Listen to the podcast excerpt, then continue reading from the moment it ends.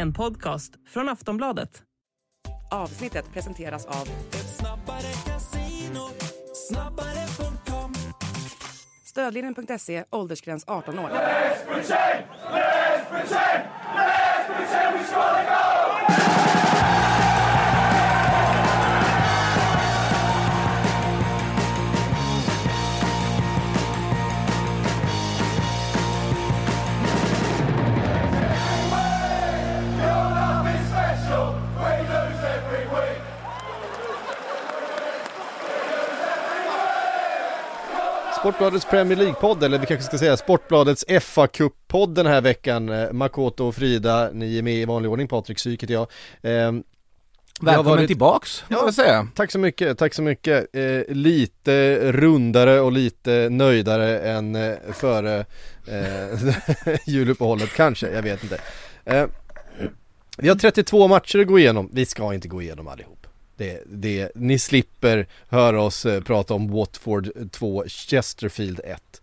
Eh, men nu har vi gjort det. Eh, men nu har vi nämnt den också. Ehm, vi ska såklart eh, prata en del om Premier League-lagen, nämna en del av det andra som har hänt, som har varit intressant. FA-cupens tredje omgång, klassisk förstås. Eh, the Magic of the Cup, Frida, eh, kände du av den i helgen? Um, Nej, inte jättemycket. det var väl, det var väl tur att, ja, det var väl tur att Maidstone United, de eh, såg ju ändå till att ordna fram en skräll. Men mm. utöver det så var det väl, det var ju inte så många roliga matcher så, tyckte Nej. jag. Alltså förutom då, alltså obviously derbyt mellan Sunderland och Newcastle. Men eh, i övrigt så, nej, det, eh, det var inte sådär jättemycket ändå som fångade min eh, uppmärksamhet. Nej, det, det, var det väl inte. Men vi hade ett, eh, ett stormöte ändå på söndag kväll. Eh, Arsenal tog emot Liverpool. Eh, 2-0 till Liverpool, trots ett spelmässigt övertag av eh, Arsenal under i alla fall majoriteten av matchen. Första halvlek och första första halvtimmen framförallt. Sen var det väl rätt jämnt spelmässigt därefter men Arsenal har ju det här förtvivlat svåra problemet att lösa eh, helt enkelt hur man ska stoppa in bollen i mål. Det verkar inte finnas någon som är speciellt eh, intresserad av det eh, Frida och då, då, då blir det lätt så här att man förlorar fotbollsmatcher. Ja, alltså de kommer ju fram till avslutslägen. Jag tror de har haft de hade nog 48 skott totalt om man inkluderar då både den mållösa matchen mot West Ham och den här då mot Liverpool, eh, alltså mållösa för Arsenals del. Mm. För att West Ham vann ju den matchen och Liverpool vann matchen under gårdagen. Men det visar ju på att de, de har problem med effektiviteten. Vad jag tyckte ändå var positivt jämfört med förlusten mot Fulham var att det här var ett mycket bättre Arsenal än vad vi såg på Craven Cottage. Mm. Och det gjorde på något sätt att man kände att, ja men här kommer kanske vändningen ändå för att de öppnade så pass starkt. De skulle ju ha haft ledningen med två, ja, kanske till och med 3-0 där efter mm. en halvtimme eller vad det nu var. Men så blir det så att bollen går inte in och sen så ökar ju då Liverpools självförtroende. Klopp kastar om lite i andra halvleken och så helt plötsligt uppstår det ett självmål. Liverpool tar hem segern. Så att jag kan förstå att eh, Mikael Arteta han var rejält irriterad efter matchen och det är ju inget överraskande för att det är han nästan alltid till och med när de förlorar eller när de vinner. Men sen samtidigt så inser han ju att Arsenal har ju ett problem här nu att det är ingen spelare som ser klinisk ut och eh, Kai Havertz som spelade som någon sorts falsk nia. Han var ju verkligen inte klinisk han heller. Nej, eh, Klopp pratade om det efteråt att de blev lite överraskade av eh, Arsenals formation. Eh, och dels ska man väl ge eh, Arteta att han lyckades ju förändra Arsenals spel från ett par ganska svaga eh, insatser till en riktigt, riktigt fin eh, press framförallt. De var väldigt skickliga i att, att pressa Liverpool eh, och vann bollen högt och, och, allt det där som Arteta vill göra såklart. Eh, genom att spela då Kai Havertz tillsammans med Ödegård. Det var, det var så här Klopp beskrev det som två dubbla tior Eh, en 4-2-2-2 med breda yttrar, jag vet inte hur man får ihop det men eh, det var så Dubbla falska nior. Dubbla, alltså... dubbla falska nior, ja men lite så kan man beskriva det. Det, det där tog ju eh, uppenbarligen Liverpool lite på sängen för de hade ju jättesvårt att hantera eh, positionsspelet och, och pressspelet. Eh, sen så korrigerade man ju halvtid och man, man eh, gjorde en analys av uppställningen och fick till en mycket bättre balans och, och eh, då, då var man ju med, andra halvlek var ju ändå rätt så jämn. Eh, men det där spelet i boxen för, för Arsenal, man, man ser inte riktigt, jag är inte riktigt säker på hur ett Arsenal-mål går till. Vet alltså jag, jag, jag, tycker att... Alltså man, man förstår vad de vill göra, det är det här City ja men få ner den djupt, en, ett instick bak till, till någon. Men det, det finns liksom inget riktigt där i de, i de ytorna där man ser att målet ska komma till. Jag vet inte. Det har ju varit... Jag tycker ändå alltså, alltså den, de positionerna som Ödegård hamnar i stundtals, det är ju typ där man nästan alltid ser honom, alltså lite i utkanten av straffområdet. Och han har ju varit bra på att ta sina möjligheter tidigare, men nu på sistone så har man ändå sett att, ja, visst alltså han har ett avslut där som är, det är ju, det är ju faktiskt ett bra avslut. Um, lite oturligt att det inte går in, men mm. när man på något sätt hamnar i den onda cirkeln från start att ja, man missar en chans, man missar två chanser, tre, fyra, mm. fem, sex. Då börjar ju läktarna bli frustrerade för att de känner att historien håller på att upprepa sig. Och det är väl då på något sätt som, som hela den här frustrationen leder fram till att ja, att man aldrig riktigt kommer loss. Eh, men jag tycker också det är ett ypperligt exempel när Luis Diaz drar in sitt mål. Han gör ju vad en anfallare måste göra, han bara drar till. Mm. Och där känner man ju också att det finns lägen när Arsenal-spelarna, de tvekar. Och Kai Havertz är en av dem. Det är som att han inte riktigt har det här i sig, att han, han, han försvinner bort från målet snarare än går mot målet. Och det gör en otroligt frustrerad att se. Alltså, en annan spelare som man känner, eller i alla fall som jag trodde inför säsongen skulle kliva fram mer, alltså i poängproduktionen är ju Bukayo Saka. Som inte, eller i den här matchen hade han ganska svårt med Joe Gomez som gör en väldigt, väldigt fin insats. Han har gjort det väldigt bra på vänsterbacken där i, i Liverpool. Men just Saka har ju inte heller riktigt kommit igång och visat vägen på det sättet som i alla fall jag kanske trodde att han skulle växa ut och göra den här säsongen. Eh, jag har varit i det skrået som inte har tyckt att Arsenal nödvändigtvis panikartat måste värva en ny nia som det ändå har pratats om ett ganska bra tag. Mm. Man, nu är Gabriel Jesus i och för sig skadad, eh, eller fick en skada här igen då. Eh, Din Ketty, absolut, han glimrar till ibland men håller väl inte riktigt nivån för att vara en startande anfallare i Arsenal. Eh, men då tänker man att det skulle kunna gå runt. Förra säsongen gick man ju runt på att Bukayo Saka levererade, Ödegård levererade, Martinelli levererade. I år är det ju ingen av dem som gör det och då, då märks det ju i anfallsspelet. Jag tycker ändå att Saka hamnar i många fina positioner under första halvleken. Alltså mm. han, han vet ju på något sätt hur han ska skaka av sig all den täckningen som han har mm. på sig. Eh, men såklart, han har ju inte heller varit tillräckligt klinisk. Det kan man ju inte...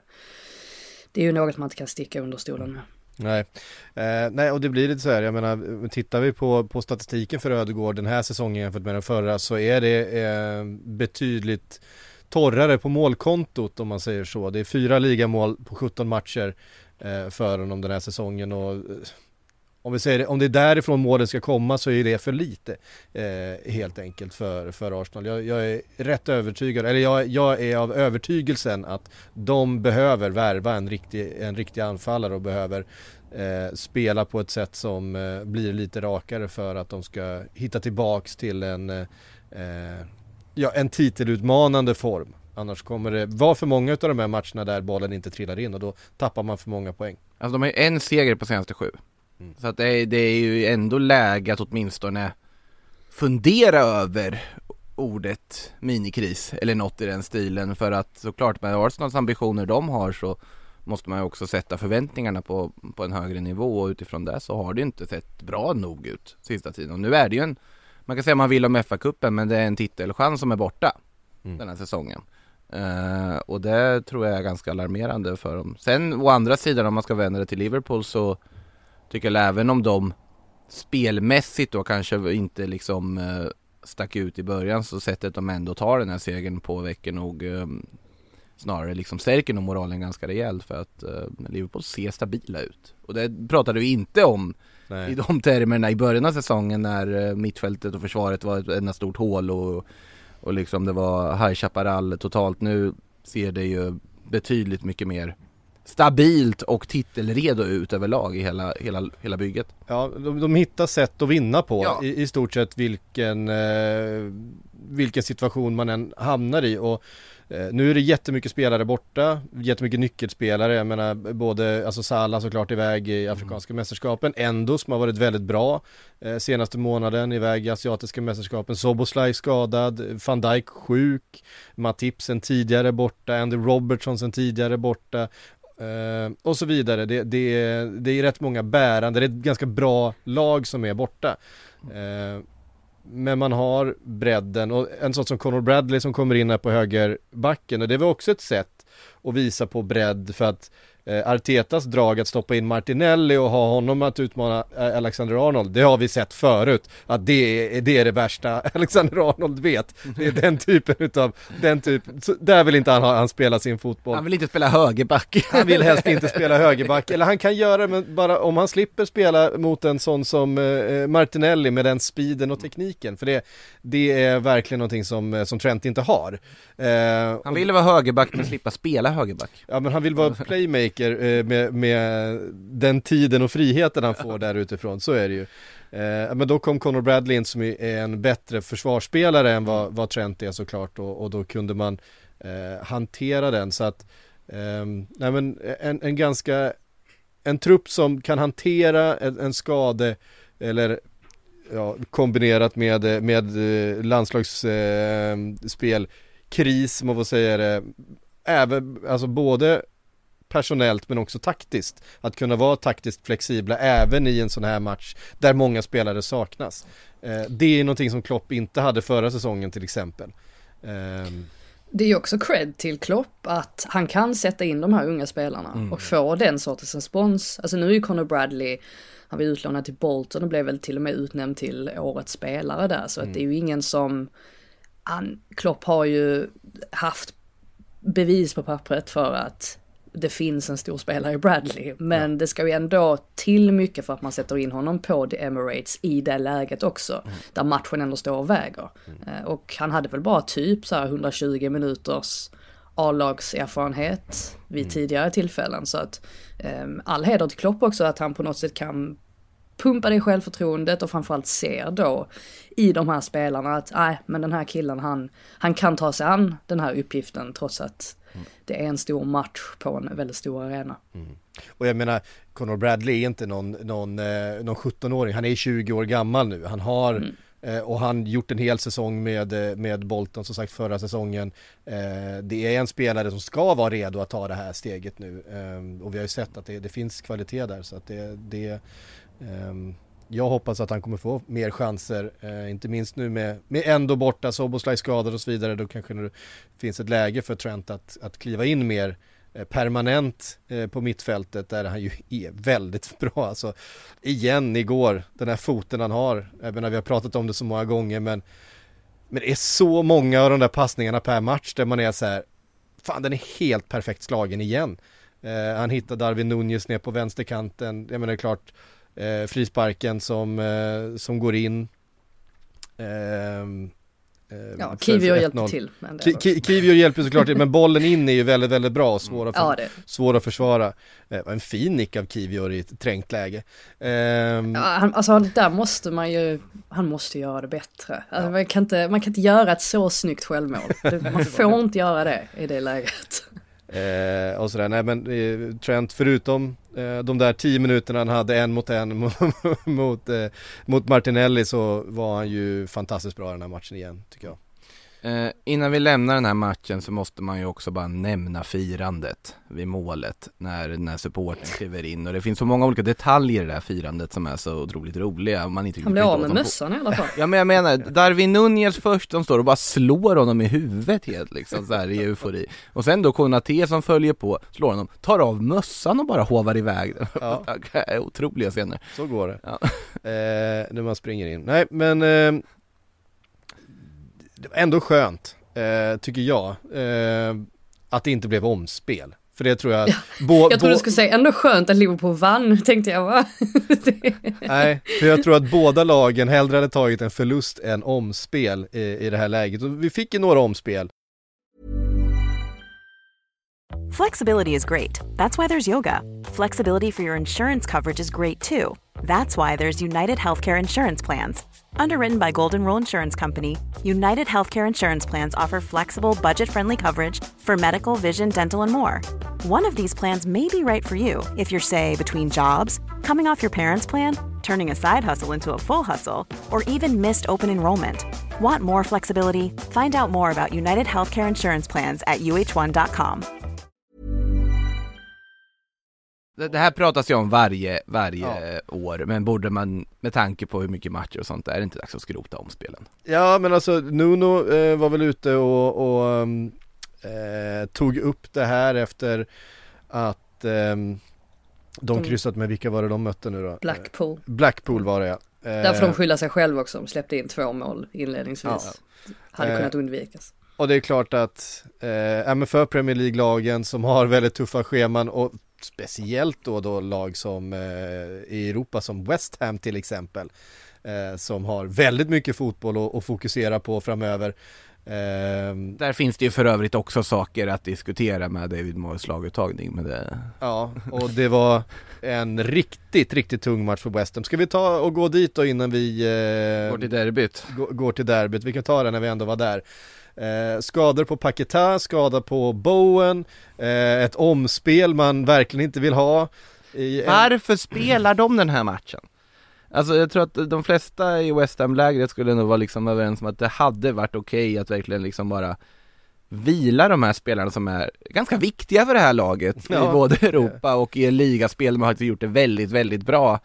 Eh, riskerar de inte? Jag tyckte det var ganska fascinerande att Bukayo Saka överhuvudtaget spelade för Arsenal om vi ska säga så till exempel också som har gått omkring halvskadad en hel höst. Eh, men, eh, ah, nej det där får nästan på något sätt Moyes skylla sig själv känner jag. Även om Det är ju såklart det är också, tråkigt för det spelarna. är, det är också en avvägning på något sätt. Jag menar, alltså antingen får man ju, ska man kasta in handduken då genom att spela sitt B-lag eller ett uppenbart, B-lag? Eller är det så att man som tränare ska tänka att ja men hur kan vi döda den här matchen på snabbast möjliga sätt? Ja. Och då trodde väl Moyes eller hoppades på att ja men West Ham kommer fixa det här eh, på 90 minuter mot Bristol City som vad ligger de 11 i Championship-tabellen eller någonting sånt, kanske till och med ännu längre ner. Men nej, så, så blev det ju inte så såklart. Eh, men jag antar att det är väl på något sätt tanken som en tränare har. För att som ni säger, de, de vill inte ha omspel. Sen samtidigt så måste man komma ihåg också att omspel kan ju betyda väldigt, väldigt mycket för den mindre klubben som de möter. För att det genererar mycket pengar, särskilt om matchen visas på tv också. Så att det finns ju den aspekten av det hela, att man förstår att de större klubbarna har många, många matcher att avverka, men att eh, det finns ändå ett värde i att ha omspel. Jag tycker ändå det är viktigt att komma ihåg det bara. Det var ju någon tränare, dessvärre minns jag inte vilket lag det var från, som just uh, lyfte det här med att Premier League-klubban ska sluta gnälla på bara för att liksom för deras spelscheman så, så är det ett problem så, så betyder det ganska mycket för andra klubbar. Sen, sen kan vi känna att om man skulle skrota ett omspel och bara köra enkelmöten, då tycker jag att det straight up ska vara hemmamatcher för det lägre rankade laget. Så att du får, alltså Ja. det finns en charm i det med att de här stora lagen ska åka till till de små arenorna och spela den typen av matcher, det tycker jag Samtidigt så är det ju för spelarna en eh, en, En upple- upplevelse ja. att få komma till någon av de stora arenorna och spela Så för liksom är det ju 50-60 såklart tusen också. eh, personer på en, Mm. eh, på Där en arena de annars liksom Kanske ska behålla omspelet ändå då, jag kanske bara ska pudla här 10 minuter efter jag ställde den eviga frågan Eh, Men, Men ta, men ta en sån klubb som Maidstone United som Ja. ligger i, vad blir det, Englands sjätte division. Alltså Ja. skulle de nu få en lottning, typ Man City eller något av de större lagen. Jag menar alltså det kommer generera så mycket pengar för dem, kommer säkra deras framtid för ett årtionde framåt. Kanske inte riktigt så men och om det är de till och med skulle lösa ett värdefullt. omspel, ja då hade det varit en Nej men så är det ju. Eh, ska vi säga något om Maidstone då som slår ut Stevenage och det är, kanske på pappret inte låter så häpnadsväckande men Stevenage är ju, eller Stevenage kanske man säger. Jag tänkte precis säga, är det, Ja, jag vet inte. Stevenage. Stevenage, Stevenage. Ehm, är ju alltså ett League One-lag. Vi pratar tre ehm, nivåer som skiljer lagen åt va. Ehm, Maidenhead, är, eller vad säger jag, Ma- Maidstone är ju inte ett professionellt fotbollslag eh, överhuvudtaget. Ehm, de har en, eh, en fascinerande tränare, jag lyssnade på en, en intervju med honom, nu kommer, vad, är, vad han heter, gammal, gammal Wolves-spelare eh, från Kamerun. George eller Kobe. Just det, så heter han. Eh, han var otroligt eh, fin i, i, intervjun där och eh, framförallt med, med Maidstone och deras eh, resa tillbaks från de var ett av de här lagen som eh, eh gick i konkurs på 90-talet efter att eh, fotbollen tog eh, stora kommersiella kliv och vissa klubbar kunde inte hänga med, deras eh, arenor var inte tillräckligt bra eh, och så vidare. Maidstone var ett av de här lagen och de har ju befunnit sig eh, så långt utanför, de fick de börja om i liksom mer eller mindre korpen. Ehm, och har ju inte tagit sig tillbaks till, till professionell fotboll än, men de är i alla fall tillbaks i Maidstone och spelar fotboll nu och det tog ju bara, eh, eller bara det tog så 16-17 år eller någonting. Eh, spela på, på eh, mer eller mindre korpplaner eh, och att de nu är framme i fjärde rundan av FA-cupen eh, är ju så häftigt så otroligt skönt att de ändå går vidare här också för det måste vara så jobbigt när de väl tar sig till tredje rundan vilket är en bedrift i sig för dem. Verkligen. Att de då får Steven Echeligoan, det man velat ge dem en, en större utmaning. Så nu hoppas man ju att de får ja. en lott som blir liksom minnesvärd för, för länge. Att de får ett Liverpool eller att de, eh, så att de skulle få ett Chelsea eller Manchester United eller vad det kan vara. Ja, det är ju det som är roligt med de här klubbarna, att de mm. vill ju inte ha eh, någonting som på pappret är överkomligt motstånd, nej. eller nej, för Manchester United så är det ju svårt att få ett överkomligt motstånd ja, det finns eftersom att de var det lägst rankade laget. Men de vill ju verkligen ha tuffast möjliga motstånd, men det hänger såklart ihop med det finansiella framförallt. Ja, han fick ju frågan där, eh, vart han helst ville så, ja men då vill han ju såklart ha Wolves Eh, jag vill ta med grabbarna till the Golden Palace som han sa. Eh, som tydligen är hade jag ingen aning om, någon slags smeknamn på, på Molinö. Um, så det hade väl varit häftigt. Men, Nej, men det är om grabbarna håller med om att Wolves är drömlotten dock. uh, kanske Anfield eller, eller uh, Etihad eller någonting hade smält lite högre och det. Uh, oavsett om man får ett sånt lag, om man får ett Premier League-lag, om det är hemma eller borta, i vilket fall som helst, det kommer sändas på tv, mm. eh, bara sådana saker, det, det, är ju en eh, once in a lifetime för eh, egentligen hela den här truppen skulle jag säga. Jag, jag, är väl, jag har ju suttit här med Copa del Rey i helgen också som vi har, har sänt på, på våra kanaler, då har vi ju, där har du ju liksom riggat, om man får säga så, lottningen till viss del, att de bästa lagen får ju de sämst rankade i den här tredje rundan där då. Då har ju Real Madrid och Barcelona varit och mött fjärde divisionslag på ja, liksom leråkrar mer eller mindre under helgen. Och det har ju någonting för det där är ju Alltså det är det största ögonblicket i de här klubbarnas historia. Titta på Barbastro från fjärde divisionen som har ändå firar 90-årsjubileum i år, bara spelat i smådivisionerna. Nu fick de möta självaste Barcelona och oj vad de kommer minnas den matchen. Mm. Även om de inte vann. Um Wolves som sagt, det är inte säkert att Wolves är vidare. De är en av de här lagen med omspel då efter sitt 1-1 mot Brentford. Eh, älskade Tommy Doyles eh, mål för, för Wolves där, eh, City-talangen som är utlånad dit. Bara ett att han heter Tommy Doyle. det, det är ett otroligt bra brittiskt namn. Eh, Tommy Doyle och sen bara, bara skicka på den från eh, 25 meter, det hårdaste man kan upp i nättaket. Eh, sånt, sånt gör, mig, gör mig glad. Där kan man ju också nämna, alltså på tal om Brentford, det här med att Ivan Tony var ju tillbaka i, i helgen också, eller spelade ju med Brentfords B-lag, besegrade eh, Southamptons U23-lag och han gjorde väl hattrick och en assist. Mm. Så att det känns ju som att eh, han har vilat sig eh, i form här nu under de senaste åtta månaderna. Eh, sen får vi se om han blir kvar i Brentford eller om han eh, går vidare till en annan klubb. Finns, finns ju intressenter om man säger så. Eh, ja men via Tommy Doyle kan vi väl ta oss till Etihad då. Manchester City 5, Huddersfield 0. Eh, väldigt lite som förvånade i den här matchen. Eh, att Manchester City är bättre än Huddersfield, det visste vi. Eh, att 5-0 var ungefär ett resultat de skulle kunna jogga hem i en sån här match, ja det visste vi också. Att Oscar Bob skulle få spela och göra mål känns inte ja. så oväntat. Men att Kevin De Bruyne skulle dyka upp med, den där, med det där svajet, det var jag inte beredd på.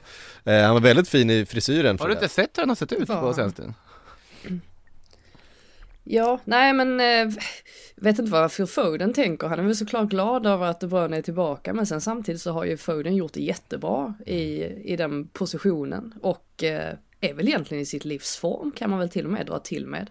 Eh, så pass bra har han varit på sistone. Men att Man City får tillbaka De Bruyne är ju förstås oroväckande för alla andra klubbar i Premier League. För att nu, nu börjas det. Nu, nu kommer upploppet. Visst, det är, det är många månader kvar, men det är nu Man City brukar växla upp. Och får man då tillbaka sin bästa spelare, eh, Haaland på väg tillbaka också, ja då blir de, eh, då blir de riktigt farliga, farligare än vad de redan är. Eh, så att eh, det är verkligen illavarslande.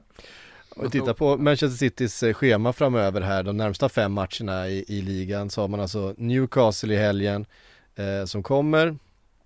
Sen efter uppehållet så är det Burnley, Brentford, Everton, Chelsea, Bournemouth som, och sen då eh, Manchester Derby, men då är vi framme i mars. Hur många poäng tappar Manchester City liksom under den här sträckan? Jag gissar på inte speciellt många. Eh, vart kommer Manchester City i så fall ligga i tabellen efter den här sträckan? Ja, antagligen först. Och då är vi där igen i början av mars. Eh, den 9 mars är det Liverpool, Manchester City, eh, sen har de Brighton och sen har de Arsenal eh, inom tre matcher. Och det är ju de matcherna som kommer att avgöra den här ligan igen. Kommer Pep tråka till sig kryss i båda de här matcherna? Ja, det kommer han. Och sen så har vi en ny Ja. ligatitel till Eller, eller skölja över, Fan, det skölja över Liverpool på Anfield och vinna med 4-1 och de ser hur bra ut som helst. Det, kan ju också hända. Det kan också hända, men, eh, men eh, Pep brukar gilla att stänga ner butiken i de här matcherna. Eh, för de kommer säkert ha eh, gissningsvis ett par poängs eh, försprång inför den perioden då som eh, när de här matcherna kommer. Man har då Liverpool, Brighton och Arsenal, Villa i fyra matcher i rad.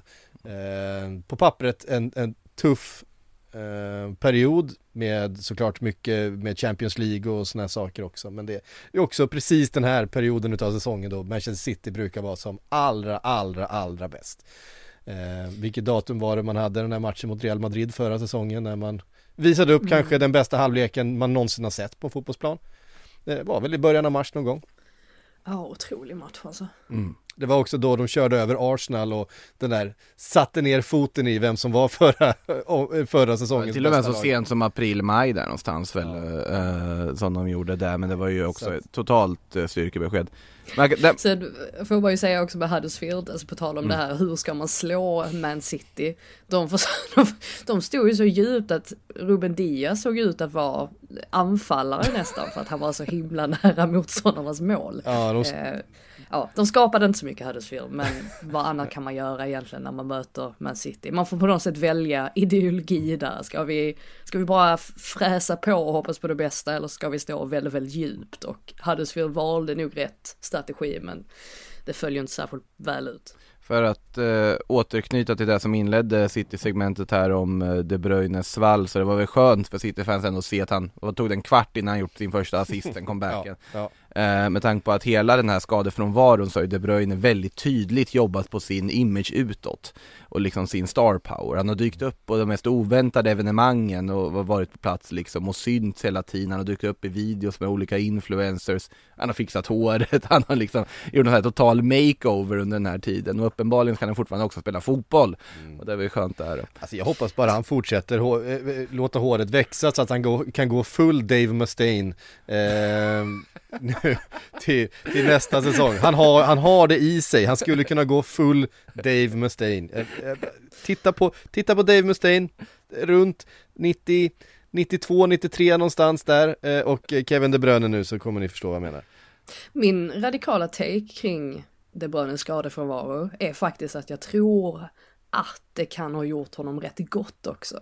För att De Bruyne var ju en av de spelarna som beklagade sig väldigt högljutt kring att spelaren måste spela väldigt många matcher idag. Och även om man som spelare såklart inte vill åka på en skada och det kan ju vara förödande sett till vad som sker senare i karriären och det kan ju avsluta karriären i förtid och allt, allt det där. Men jag tror också att det kanske möjligtvis blev en välbehövlig break för honom. Att han kanske behövde det här andrummet och, och eh, ja, så länge man vet om att skadan inte är allt för allvarlig, att man vet om att man kommer komma tillbaka. Då är det kanske ett mentalt skönt break ändå för en. Jag vet inte, men jag räknar med att De Bruyne kommer vara i fullt slag nu i alla fall. Att han, han är så pass bra att man tror inte att han har tappat allt för mycket av sin högsta nivå. Nej, nej och så det där, just den där assisten han slår det är också så otroligt De Bruyne, det är inget svårt och det, det, är liksom det ena med det andra. Men det är att han i det läget när du har framstörtande spelare på första stolpen inne i boxen Han ser Doku helt fri på en annan yta i straffområdet. Det är ingen annan som ser den passningen där och då. Och Doku kan, eh, det är, det är klart han har lite att göra, han ska ta sig förbi eh, backarna som står på, på mållinjen och så vidare. Men det har någonting det där ögat, den där instinkten han har, eh, De Bruyne. Eh, som, eh, som är speciell. Jag tror inte någon, alla andra hade försökt slå den passningen med lite kraft på var det Phil Foden som störtade mot första eller Julian Alvarez eller vem det var. Eh, han, har, han har en hundradels dels mer kyla och kvalitet i foten än alla andra och istället så hittar han den där höga bollen mot eh, Doku som bara kan raka in den. Eh, det, det, det är läskigt, han är, han är fruktansvärt bra. Eh, vi kan eh, ta oss då äntligen till eh, Tineware-derbyt eh, mellan eh, Sunderland och Newcastle. Första derbyt lagen mellan, eller da, lagen emellan på ja, Närmare åtta, åtta år, år eller, ja. ja. precis så att eh, Det var ju så att den senaste derbyt då eh, Mars 2016 Så uh, slutade ju den säsongen i att Newcastle åkte ur Premier League. När Newcastle då kom tillbaka så var det Sunderlands tur att åka ur, så var, de har väntat några år. Sen har de ju gått lite olika vägar sen, sen dess, de två klubbarna. Sunderland startade Netflix-serie, ramlade ner i systemet och började väl på något sätt bygga upp någonting igen. Newcastle har eh, blivit eh, Saudi-ägt och spelar Champions League-fotboll. Mm. Och den skillnaden syntes väl ganska tydligt i det här derbyt. Tyvärr tyvärr så levde ju inte matchen upp till eh, det man hade hoppats. Sunderland hade ju helt enkelt inte kvalitet att matcha Newcastle. Eh, framförallt inte med tanke på att man ställde upp med kanske sitt bästa lag Frida. Nej, nej så var det ju. Um, å andra sidan så Anthony Gordon han, han fick inte direkt behålla tröjan. Det fanns ju den intensiteten ja. eller rivaliteten på planen mm. i alla fall att, att hans tröja blev eh, sönderriven. Men eh, nej, i övrigt så hade inte Sunderland mycket att eh, komma med. Och precis, nivåskillnaden syntes väldigt tydligt. Dessutom tror jag att polisen där uppe är väldigt tacksamma över att det inte blir omspel. De hade inte orkat en till sån här match. Nej. Det var otroligt mycket säkerhet och alla Newcastle-supportrar och eh, Newcastle-spelarnas familjer bussades ju in under väldigt så här komplicerade komplicerade metoder. Um, och sen dessutom hela den här skandalen i förmatchen mm. att uh, Sunderlands ledning eller ja, medarbetare i klubben att de hade klätt om ett av rummen med, eh, satt över Newcastle-dekaler över Sunderland-dekalerna inne på arenan. Det var inte, det var inte populärt. Det var inte speciellt så. begåvat. Det var nästan som man trodde att eh, Charlie från Netflix-serien fortfarande var kvar i klubben och, och styrde. Han, han som ville ha lite mer vissa stämning på, um, på Stadium of Light. Eh, dessvärre är han ju inte det. Men eh, sen måste man ju nämna Alexander Isak också som, eh, ja. alltså det absolut är ganska mycket så här försvarsmissar som föranleder ja, både då självmålet först och sen då Isaks 2-0 mål och ja, straffen också som är kanske den glasklaraste straffen vi fick se i varenda, varenda cupmatch här. Det var ju, bara, man gick in och kapade Gordon eh, fullkomligt in i straffområdet. Eh, solklar straff. Men att Isak då ändå kliver fram, gör två mål i sitt första derby man ser också där, när du nämnde tröjan där förut på Gordon Frida, den som var först framme där och eh, försvarade Gordon mm. i det där gurglet, det var ju Alexander Isak som var rakt in där. Han, han, han gillar ett derby, ja. jag menar han, han har vuxit upp Kom, i Stockholm. Ja. Eh, kommentatorn, kommentatorn sa typ att, eh, påpekade att ja, Alexander Isak född i Sverige, som att det var förvånande att han kunde plocka fram de här känslorna i ett, eh, i ett derby så långt hemifrån. Nej men jag tror att, jag menar har man vuxit upp i ett av eh, Stockholms tre stora lag med de derbyna som det innebär att, att vara AIK-spelare i det här fallet då. Då förstår man betydelsen utav eh, derby, för vi har några av de mest intensiva derbyna i hela Europa eh, här i Stockholm. Eh, det, är bara som, eh, det är bara så det är och att, att Alexander Isak förstod vad det var för match han spelade i, det råder ju ingen som helst tvekan om. Hans känslor efter att han gjorde första målet där, alltså 2-0 målet, eh, han springer ut till eh, supporten och bara vrålar rätt ut liksom. Um, ja, det, han, älsk, det... alltså han älskar ju att spela för Newcastle. Det är, så, ja. uh, det är så uppenbart, eller det är så tydligt, mm, sättet han pratar om hela staden och supportrarna. Och, det är ju någonting speciellt. Alltså det, ja. det är inte många städer som har ett lag sådär bara, som alla Nej. håller på. Men i Newcastle så är det ju så med omnejd och mm. att man håller på Newcastle United. Och uh, ja, det är ruggig stämning bland deras supportrar på, på i stort sett alla matcher. Och det var ruggig stämning alltså på läktaren i den här matchen också. En jävla inramning inför eh, fyrverkerier och sånt kan man väl eh, tycka vad man vill om. Eh, men, eh, men det var Supportrarna var, var up for it i alla fall eh, på läktaren. Det var inte samma fyrverkerinivå som i Stockholms derby i alla fall. Det var inte, det var inte den typen av fyrverkeri framförallt.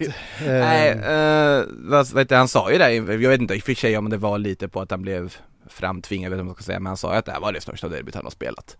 Uh, och då har ju den här personen spelat Stockholmsderbyn, han har spelat uh, Känsligt ändå Ja absolut, men han har spelat baskiskt derby också Ska vi komma ihåg, han spelade en Copa del Rey-final som var ett baskiskt derby Måste vara mot, för tomma läktare men, ja, det blir inte riktigt samma nej, nej, sak. men det, det baskiska derbyt uh, ska ja, inte visst. underskattas Men såklart, det säger en del om hur efterlängtat det var att Sunderland och Newcastle möts i en fotbollsmatch igen. Mm. Och det var ju den stora höjdpunkten under den här fa Cup-rundan på alla sätt och vis.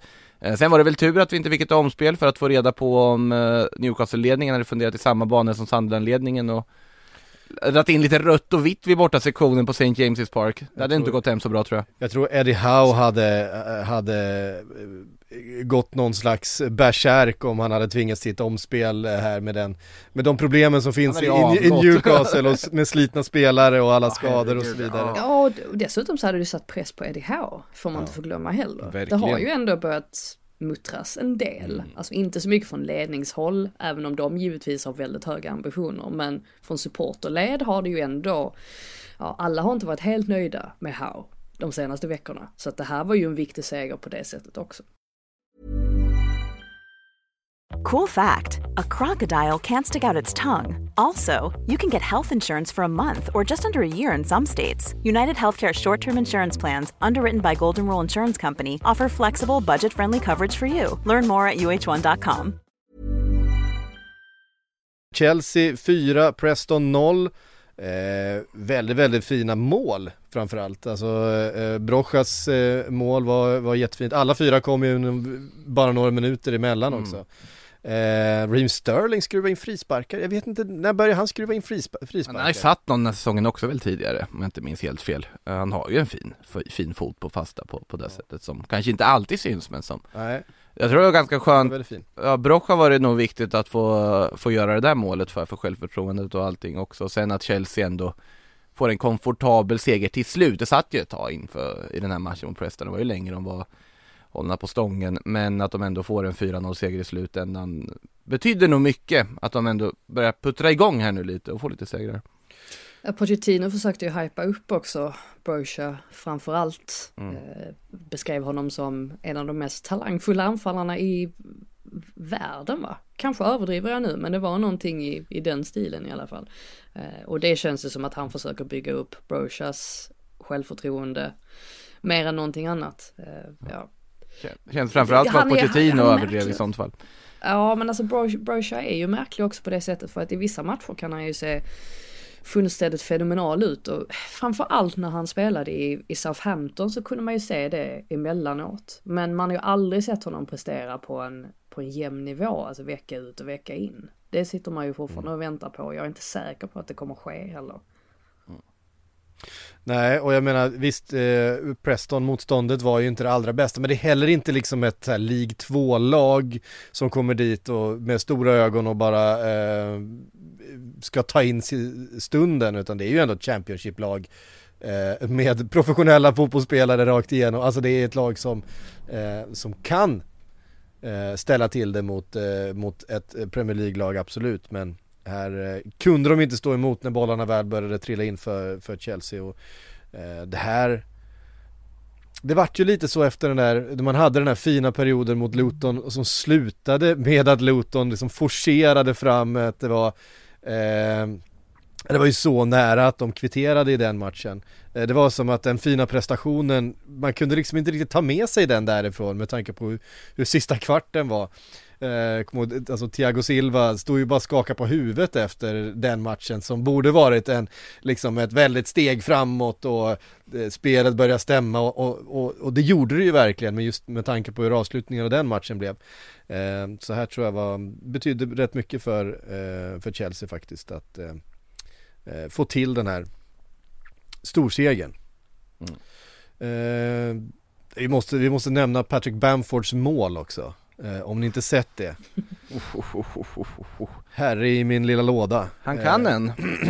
ja, han har varit rätt ifrågasatt. Han har ju inte haft någon bra säsong eh, för Leeds direkt men Men jävlar det där Det där gör man inte om så många gånger. Det gör nog inte han den här säsongen heller. jag tror inte han gör om det där någonsin i karriären. Eh, om man ska vara riktigt ärlig men, eh, men 3-0 eh, men det är liksom Det är inte resultatet vi tar med oss härifrån, det är ju, det är ju målet faktiskt.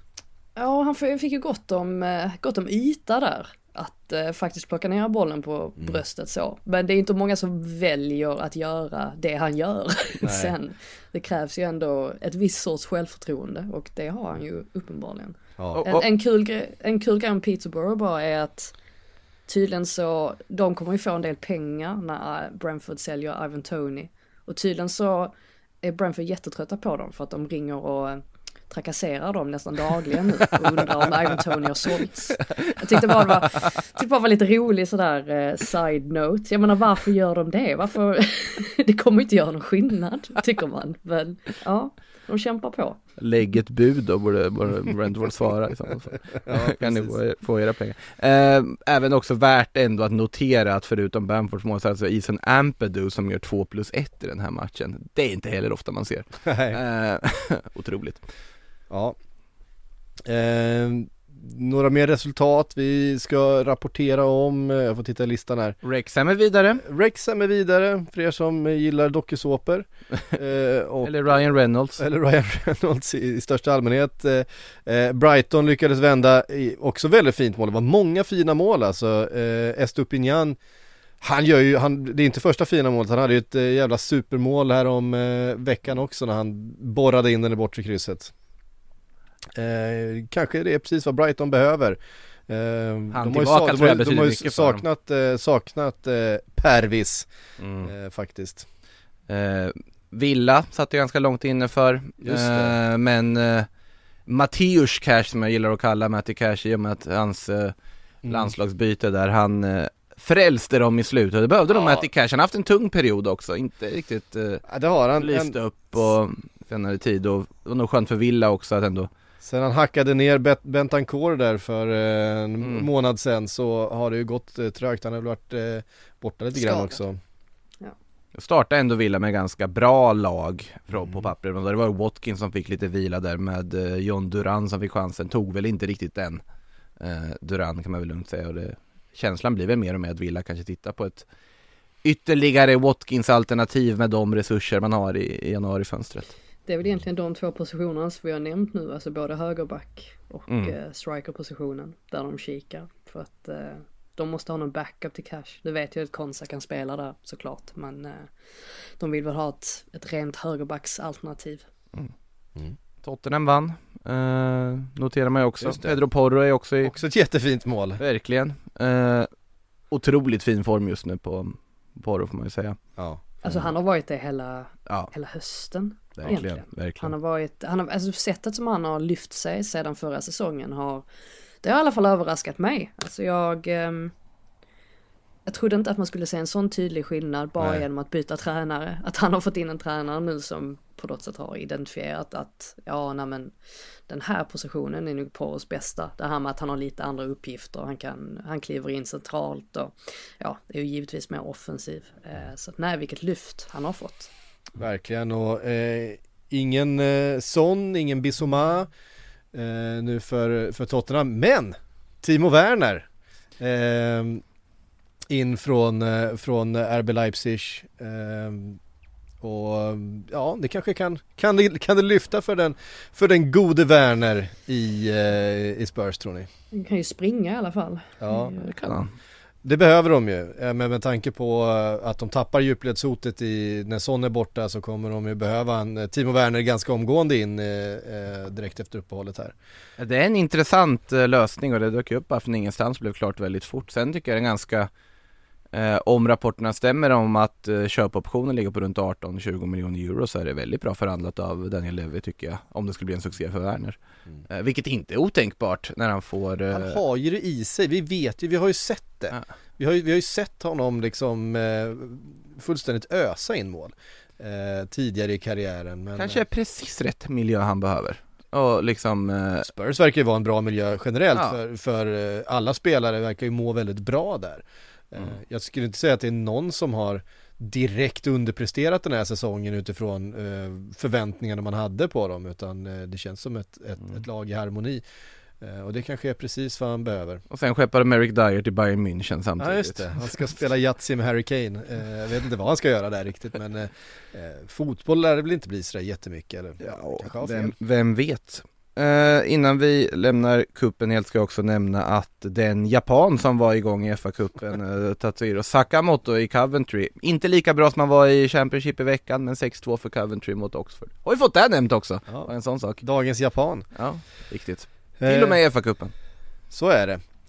Eh, alltså jag känner att vi måste ta upp eh, där, vi, vi, vi nämnde eh, såklart Tyneware-derbyt, eh, Newcastle och Sunderland, två lag som nu kopplas ihop med Jordan Henderson som, ju, som vi vill lämna eh, Etihad, eh, nej Etihad, Etifak menar jag i den, Sau- i den saudiska ligan. Eh, Freudiansk felsägning. Ja, kanske. Ehm, nej, jag vet inte, men jag kände det här har, det här har eh, pockat på min uppmärksamhet under helgen. Jag, jag behöver prata av mig om, om Jordan Henderson och, eh, Du vet att vi har en sillypodd va? ja jag vet men, men jag när du var inte- med i förr du vet, Ja precis, grunda en gång eh, jag behöver prata av mig här när jag har, när jag har möjligheten. Det är Eh, helt okej. Jordan Henderson, status 2024, eh, vart skulle han göra skillnad egentligen? Jag menar, det är inte så att eh, han har eh, gjort det speciellt bra i Saudiarabien om man ska vara riktigt ärlig. Det är också så här, nog ingen som har gjort det i det laget. Nej, de har ju gått det har ju gått väldigt dåligt. det- det är ju roligt att man värvar de spelarna och att publiksnittet sjunker.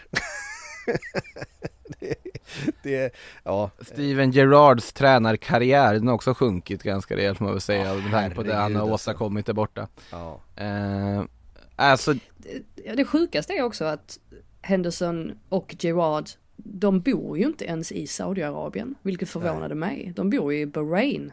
Eller vad säger vi? Ja. Bar, bar, vad säger man på svenska? Bahrain. Bahrain. Bahrain. Bahrain. Eh, Bahrain. vi- Bahrain. vilket eh, jag tyckte var överraskande för att jag tänker mig att om man som saudiska ligan då plockar in utländska spelare så vill man väl uppmuntra dem att bo i Saudiarabien. Sen är det ju inga jättesträckor det handlar om direkt men eh, ja, det, det indikerar väl på något sätt att eh, ja, men det här händer som pratade om att han skulle åka till Saudiarabien och försöka utveckla saker i landet. Jag menar, ja, det tror väl de inte riktigt på nu va? han menade egentligen att han ville utveckla Bahrain. Det är bara att vi har missförstått honom helt och hållet. Flygpendlar han då? Till träningarna? Men han kör. Ja det är så pass nära. Ja men Ja, är en ligger väl precis där borta va? Eh, där är Letifak spelar sina hemma Ah. Ja men det ligger precis, alltså Bahrain ligger ju precis bredvid Det är ju till och med så att det finns en, en, eh, en, eh, bro som kopplar samman Dammam, alltså staden där är Det är som att, som att bo i Uppsala och jobba i Stockholm då. Ja men typ Ja okej. Eh, fast landsgränser Det då. var det som att bo på Öland och, och spela sina matcher i, på, i Kalmar. Öland är svenskt vet du. Jo, jo, men... Nej, eh, eh, ja precis. men Åka över, åka över bron en gång per dag, ja. Ja, ja då, men, eh, ja, Men- får han något kontrakt då? Om han flyttar hem? Om det stämmer att han eh, vantrivs och vill bort? Alltså det har ju snackats om ett par klubbar här, eller de klubbarna som nämns, det är ju dels en återkomst till Liverpool, som väl inte känns speciellt trolig. Nej. Sen nämns även Brighton, men det är väl bara James Milner-spåret där som man kopplar ihop dem med. Newcastle är ett annat på grund av kopplingen till Saudiarabien då, givetvis. Eh, Celtic, som ändå känns hyfsat, eh, ja, det, det känns ändå som ett rimligt alternativ. Eh, och sen även Sunderland faktiskt, nämns som ett annat alternativ, som ju är hans moderklubb. Så att det är dem det pratas om just nu, men eh, jag vet inte, det verkar ju som att han kan tänka sig att spela någon annanstans i Europa också. Det handlar bara om att komma ifrån Saudiarabien. ja, nej, det... Bahrain, kommer ifrån Bahrain framförallt. Eh, Ja, nej alltså att eh, det, är ju, det är ju fascinerande det här hur han eh, uppenbarligen läste hela situationen och hela sin situation och, och ligan och landet och allting så pass fel eh, så att han till vilket pris som helst nu vill lämna efter sex månader. Eh, det är klart de sportsliga framgångarna har uteblivit men han, det var inte så att han kom dit för att spela fotboll, han kom dit för att tjäna pengar. Eh, nu verkar han ju vara beredd att, jag menar, lönen kommer han ju inte få någon annanstans. Eh, och jag tror att Elitifak är nog väldigt glad att bli av med den där lönen, han har extremt hög lön eh, förstås. Men nu har han ju tjänat en del pengar. Jag tänker att om, går han tillbaks till Sunderland, till sina rötter, eh, tar ett ansvar där, kapar sin lön helt och hållet, spelar upp dem i Premier League, vilket ju inte alls är omöjligt. Sunderland ligger väl eh, på övre halvan i Championship. Eh, ja, då, då kommer i alla fall jag få lite mer respekt för honom igen. Eh, men just nu känns det ju rätt, lite patetiskt nästan att, att eh, ha blivit så, vad det verkar, tagen på sängen över vilken situation han satte sig själv i. Ehm, Men då undrar man ju om hans självbild. mm, För nu tänk, man- och det är ju där, därav som jag inte vill liksom stänga dörren till. Vi har ett Newcastle som behöver en innermittfältare med lite rutin för att täcka upp under den här våren. Eh, Som har en tydlig koppling till liksom Saudiarabien eh, och kanske på så vis skulle, kanske på ett lättare vis kunna genomföra en flytt. Problemet är ju kan verkligen Henderson tänka så pass kortsiktigt och liksom på sig själv i det här läget att han bara bränner alla former av Sunderland-broar på att han vill spela i en klubb som ändå utmanar liksom högre upp i tabellen än kanske de andra klubbarna som Han har ingenting att förlora nu. Ja, men- bara köra bra. Ja men, jo Alltså, alltså, det, det han har att tänka på, det vi måste väga in här, som nog är det absolut viktigaste för honom. Det är ju att han såklart vill spela EM i sommar. Och jag tror absolut att Gareth Southgate kommer plocka ut honom. Men det gäller ju ändå att han får speltid och sådär. Jag menar det kommer bli en skandal annars om det är så att han eh, inte spelar, spelar en enda minut och sen tas han ändå ut i Englands landslagstrupp. Eh, Jag tror att det är det han tittar på nu framför allt. Vad är bästa alternativet för att jag ska komma med till EM? Eh, är jag inte det. Newcastle? Vad sa du? Är inte det Newcastle som är det? Jo, eller Celtic för den delen. Jag menar, jag tror inte att det är helt fel. Jag menar, alltså kan Southgate plocka ut honom när han spelar i Saudiarabien så kan han väl plocka ut honom när han spelar i skotska ligan. Att den saudiska ligan är väl ändå bättre än den skotska rent sportsligt Ah, du vet i fan. Oj! Ja. Ja, jag, jag vågar sträcka mig så långt med tanke på det spelarmaterialet de har värvat in till den ligan nu Ja, okej. Ja. Ah. Ja, jag har faktiskt ingen aning. Ja. Och det säger jag trots att Celtic har typ 6-7 japaner Eh, Men ja, jag, eller jag vet inte, det, är- det är ju en diskussion att ha men jag skulle nog ändå säga att om man tittar på topplagen i alla fall i Saudiarabien så håller de högre nivå än, eh, än många lag i Skottland, det tror jag Ja, kanske. Jag, som sagt, jag Ja det, det, det, där är ju alltid så liksom vanskligt att hålla på och jämföra Högre löner har de i alla fall men jag, jag skulle ta den skotska ligan. Inser att man riskerar att bli otroligt lynchad här nu över det här påståendet men det, Ja, men eh, oavsett så jag, jag ser väl inte just att liksom att gå till Celtic att, det, att den ligan och utmaningen där är så pass stor att du ska kunna ta dig in i landslaget och då det är ganska stor skillnad på att spela i skotska ligan jämfört med att spela i Premier League Ja, han, ska inte, han ska inte ta sig in i landslaget. Han, han Hålla sig kvar då hålla sig kvar. Hålla sig Han ska kvar. inte spela sig ur. Nej såklart, hålla sig för- kvar menar jag ju Han är ändå väldigt högt eh, värderad av Southgate. Det har man kunnat eh, lista ut. Innan vi spelade in här Psyk så nämnde du ju Fulham ifall Palinja försvinner Det hade jag ju sett som liksom större Större liksom att både spela Premier League fotboll kontinuerligt i Fulham Skulle jag ju värdera högre ur det perspektivet, liksom sportsliga utmaningen än att spela i Celtic Ja, men jag tänker så här, eh, Fulham om de då får in en bra slant för Palinja, kanske Mm. inte vill sätta sprätt på den direkt i vinterfönstret, det finns ett sämre utbud, man kanske har en ersättare som man bara får loss till, eh, till sommaren. Eh, det har ju pratats om André då från Fluminense, eh, kommer ju inte kosta alls lika mycket som man får in för Palinja. Ja, men då kan man ta in André som är oprövad, som behöver kanske ett, halvår för att spela in sig i Premier League, han har inte spelat utanför Brasilien ta in Jordan Henderson eh, på ett, ett halvårskontrakt som eh, på något sätt, ja, med, med den erfarenheten eh, kan också spela på den positionen. Eh, jag menar rent, rent logiskt så, så känns det som eh, genomförbart. Jag tror också att Marco Silva är en sån där tränare som hade kunnat få ut någonting utav eh, Jordan Henderson även om han har begränsade kvaliteter nu. Vi vet, han kan inte springa längre till exempel. Eh, om han någonsin kunde det om man frågar eh, Alex Ferguson. Ehm, så, så tror jag att det hade varit ett bra alternativ för, för eh, Henderson själv och, och ett lag som hade kunnat ha haft nytta av honom. Ehm, sen om det blir så eller inte, det får vi väl se. Men eh, jag kan se det hända. Ska man sticka ut hakan ändå och tippa Newcastle? Det kan du göra. Nej, om du vill. inte otänkbart. Jag, jag har inte mycket till, till övers eller tro på Jordan Hendersons eh, beslutsfattande med tanke på Ja, det han redan visat så att säga. Ja, det var faktiskt allting vi hade eh, på tapeten idag. Vi får eh, checka tillbaka nästa vecka då, då är Premier League igen med, med lite eh, fotboll som verkligen betyder någonting. Eller FA-cupen betyder mycket för många lag. Jo, jo, jag vet, jag vet, jag vet. Maidstone betyder det mycket för. Ja, absolut. Nej, men det blir såklart jättespännande att följa dem. Så har vi lite ligacup i veckan också ju. Eh, bland annat då Fulham som vi eh, pratar om med, tänk, tänk om Henderson dyker upp i Fulham i mö- till mötet mot Liverpool eh, på onsdag. Det kommer han inte hinna göra, men det hade varit något.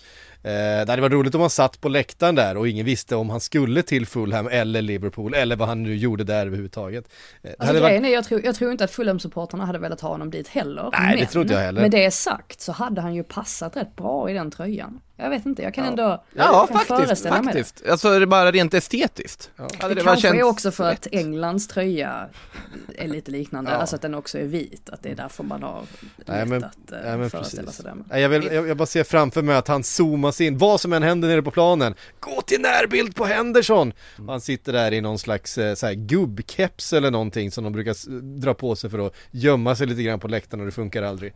Eh, innan vi stänger ner så vill jag veta vad Frida tycker om att Tony Mowbray verkar vara Birmingham Citys nya manager. Det var lite konstigt för vi pratade ju om honom förra, förra veckan. Just. Och jag, eh, ja, jag hade inte riktigt tänkt på honom eh, förrän dess. Men eh, ja, nej.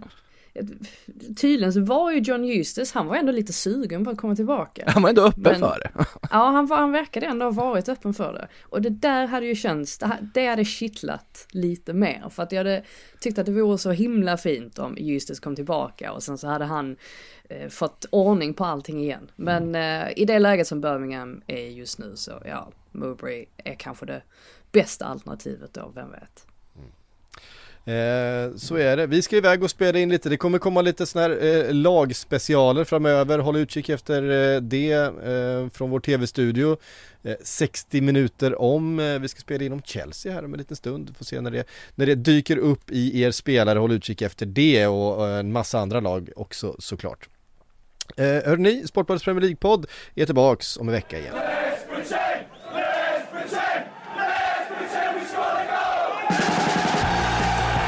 Du har lyssnat på en podcast från Aftonbladet. Ansvarig utgivare är Lena K Samuelsson.